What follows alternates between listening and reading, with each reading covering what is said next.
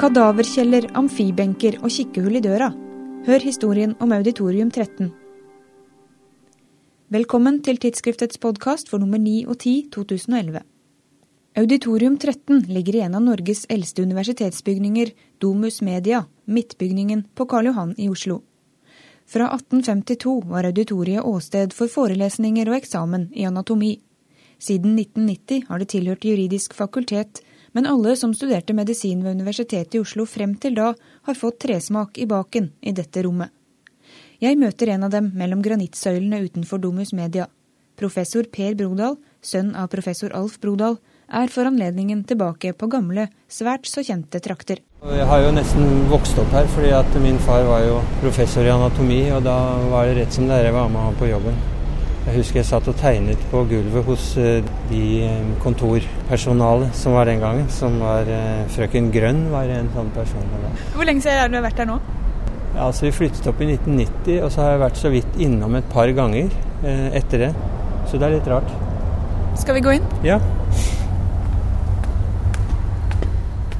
Nå står vi med den store, flotte døren inn til auditorium 13. Der står det nummer 13 med flott uh, slynget skrift. Va? Så originalt auditorium nummer 13. Og det var denne inngangen fra oppgangen hvor studentene kom. Så denne døren kom studentene inn i. Så er det en dør på den andre siden hvor lærerne kom inn. De gikk ikke samme vei inn. Men da kom studentene inn her. Og da ser du nå Så ser vi nå auditoriet med disse benkeradene, som er originale. Og så ser du det svære vinduet til venstre for oss nå, som vender mot øst. Det er jo et kjempedigert vindu, og årsaken til at de lagde det, det var jo rett og slett for å få lys inn. For da faller lyset rett på det området foran uh, studentene, mellom disse amfiteatralske benkene, hvor uh, professor eller lærerne demonstrerte da anatomiske preparater. Og det var jo, som du har sett på bildet, ofte hele lik som var dissekert, som de tok opp. Og de likene de kom uh, til å begynne med etter 1852, da de flyttet inn her. Så kom de opp fra kjelleren gjennom en svær lem. heist opp. Og, og, og, ble liggende der, og den var visst angivelig veldig tungvint. Og det trakk grusomt kaldt opp, så dette auditoriet var ikke noe hyggelig sted. Um, men så, etter 1915, hvor det ble modernisert, så kom da, er det en elektrisk heis hvor uh, likene kom opp fra Eller preparatene kom enten ovenifra eller nedenifra opp ved og, og kunne kjøres inn. For det er et rom over her også? Ja, her ser du et flatt tak. va? Og så så vi utenifra hvordan en del av dette vinduet faktisk er blendet av. Mm. Og det skyldes at man ved ombyggingen i 1915 laget, senket taket, og så fikk man plass til et lite auditorium for demonstrasjon av preparater ovenfor. Som er veldig karakteristisk med veldig bratt amfi for 20, rundt 20 studenter. Som blir brukt for mindre grupper.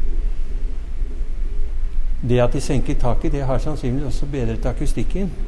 For jeg har jo undervist masse her og alltid opplevd at akustikken er god, iallfall når auditoriet er rimelig fullt. Mens før det, så når du leser det de skrev, så klaget de bittert over elendig akustikk i Auditorium 13. Så det var slett ikke noe sånn festlokale uh, på noe vis. Det var Før 1950 var iskaldt. Det trakk fra denne lemmen. Um, det var, uh, tross, til tross for dette vinduet, mangelfullt lys når det ikke var spesielle årstider. og altså elendig akustikk. Og litt spesielle lukter.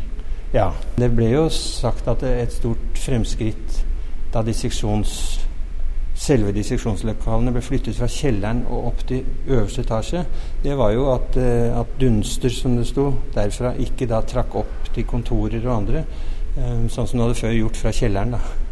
Og studentene var også Du fortalte at studentene var nede i kjelleren? Eh, ja, studentenes disseksjon før 1915 foregikk nede i denne såkalte kadaverkjelleren. Og det er vel en og annen student opp gjennom tiden som har vært inne og sett de kummene som var der, hvor likene ble oppbevart.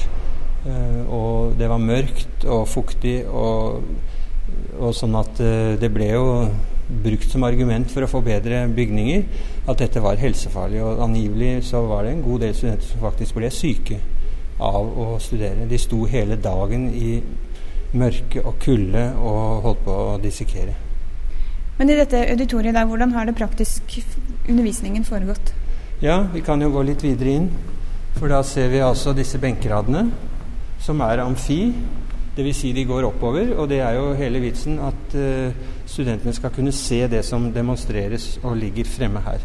Så dette var sånn disse anatomiske uh, teatrene ble laget, så var det jo ikke først og fremst med tanke på forelesning sånn som vi tenker det nå, med en ren verbal fremstilling, men det var det knyttet til konkrete anatomiske preparater, eller sånn som du så på det ene bildet, med to lik som professor Skreiner hadde liggende foran seg, mens han satt i en stol ved siden av og snakket om det og demonstrerte for studentene. Så Derfor så gjaldt det jo at, alle, at det var bratt, og at alle kom nærmest mulig. Det ble kritisert at dette auditoriet var for uh, flatt, og det er nok riktig i forhold til mange sånne anatomiske amfiteatret. Det skulle vært brattere. Mm. Mye brattere for å komme nærmere det de ser. Du sier at studentene kom inn den ene døra. Ja. Det er mange andre dører? Ne, ja, og så er det en dør vis-à-vis -vis som går uh, til trappeoppgangen til kontorene til bl.a. professors kontor her oppe. Så da kom professor ned trappen, eller vi også i min tid, kom vi ned den trappen. Og så var det et lite kikkhull i døra, som nå juristene har tettet. Det liker vi jo ikke. og så kunne vi da se inn. ikke sant? Var studentene kommet? Var de på plass? Og spesielt i den tiden da jeg begynte å studere, hvor det var sånn at når underviser kom inn, og professor kom inn, da var det forventa at studentene reiste seg. Og hvis ikke de gjorde det, så var det mishag. Så det var det de kikket inn for å se om alle var klare? Om det var klare, ikke sant? Ja, og, sta, og, og, og, så kunne man komme inn. En annen ting var jo at det var mulig å spionere litt på kolleger som holdt på å undervise, gjennom det kikkhullet. Så det ble flittig brukt. Uh, så det er den døren. Og så er det en dør der på denne veggen mot ta ved siden av tavlen, og der var, bakom der var det rom for plansjer og slike ting, som da ble hengt opp. Og, og de preparantene de hadde da fått beskjed om hvilke plansjer som skulle til den forelesningen som ble hengt opp. Det var jo den tidens lysbilder. Det er jo masse flotte anatomiske plansjer som er store, ikke sant? sånn at alle kan se det som henger på siden her. Og så ble tavla flittig brukt til å tegne. Det tror jeg nok også en god del norske leger vil huske, at det var uh, tegning. Og min far var jo en av de som var kanskje berømt for å tegne og være dyktig til å tegne. Angivelig skal han ha tegnet med begge hender. ja. Når sluttet studenten å reise seg for professoren?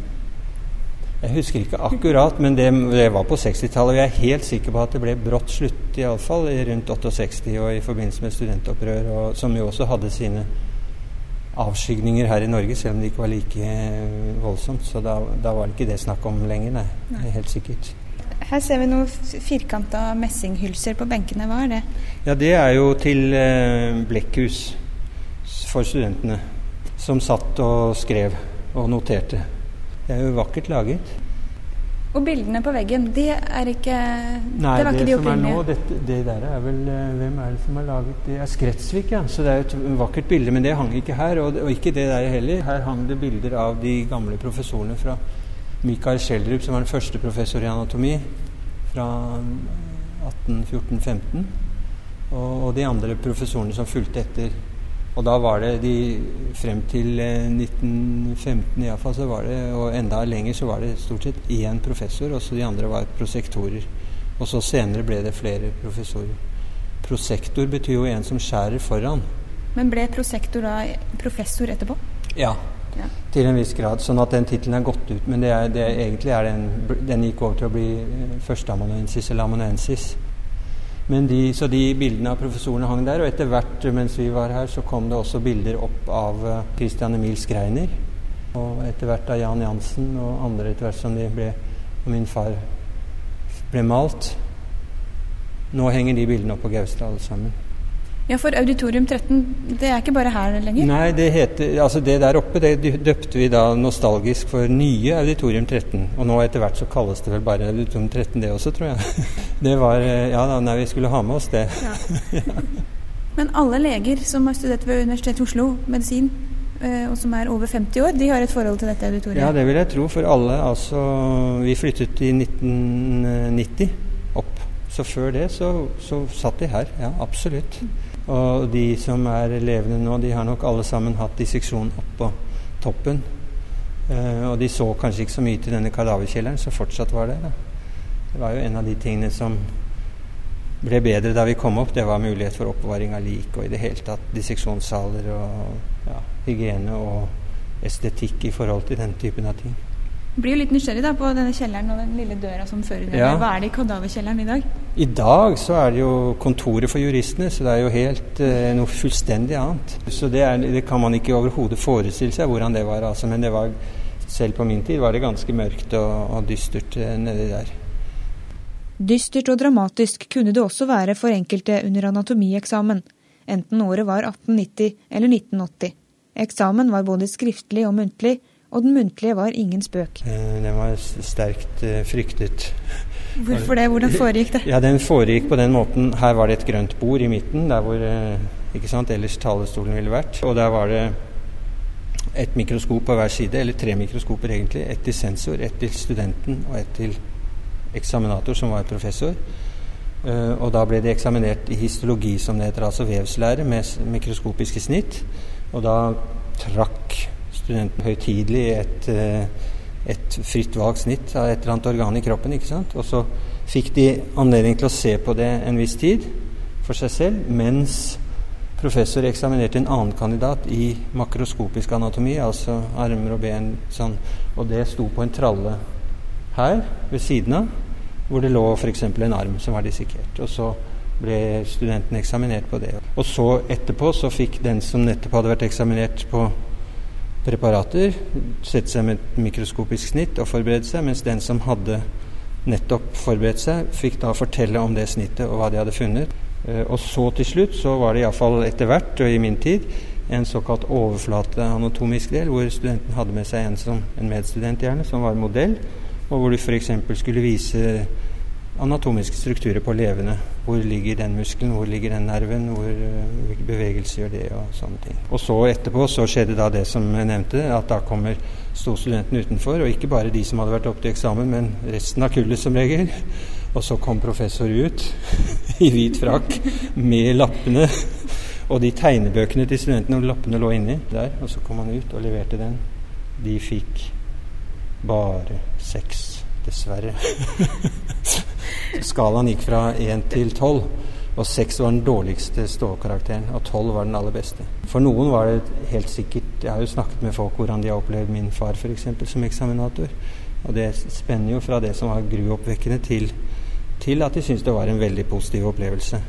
Det kommer kanskje an på resultatet de fikk? Ja, det er klart det har litt å gjøre med begge, begge sider i det. Men det som var typ, han var jo en, en stor røyker og, og røykte bestandig. Sånn at det, Han blåste jo røyk i øynene på studentene som satt og mikroskoperte, men jeg tror ikke de turte å si noe til det. det men, men, det var grønn duk på bordet, vannkarafler, det var virkelig høytidelig. Og vi hadde mørk dress når vi gikk opp til eksamen. Det var helt sikkert. Man kledde seg ordentlig til eh, eksamen i anatomi. Hvis du er nysgjerrig på hvordan Auditorium 13 ser ut i dag, eller du ønsker et gjensyn, kan du se et ferskt bilde i tidsskriftet nummer 9 og 10. Jeg heter Eline Feiring og er tilbake med en ny podkast om to uker. På gjenhør.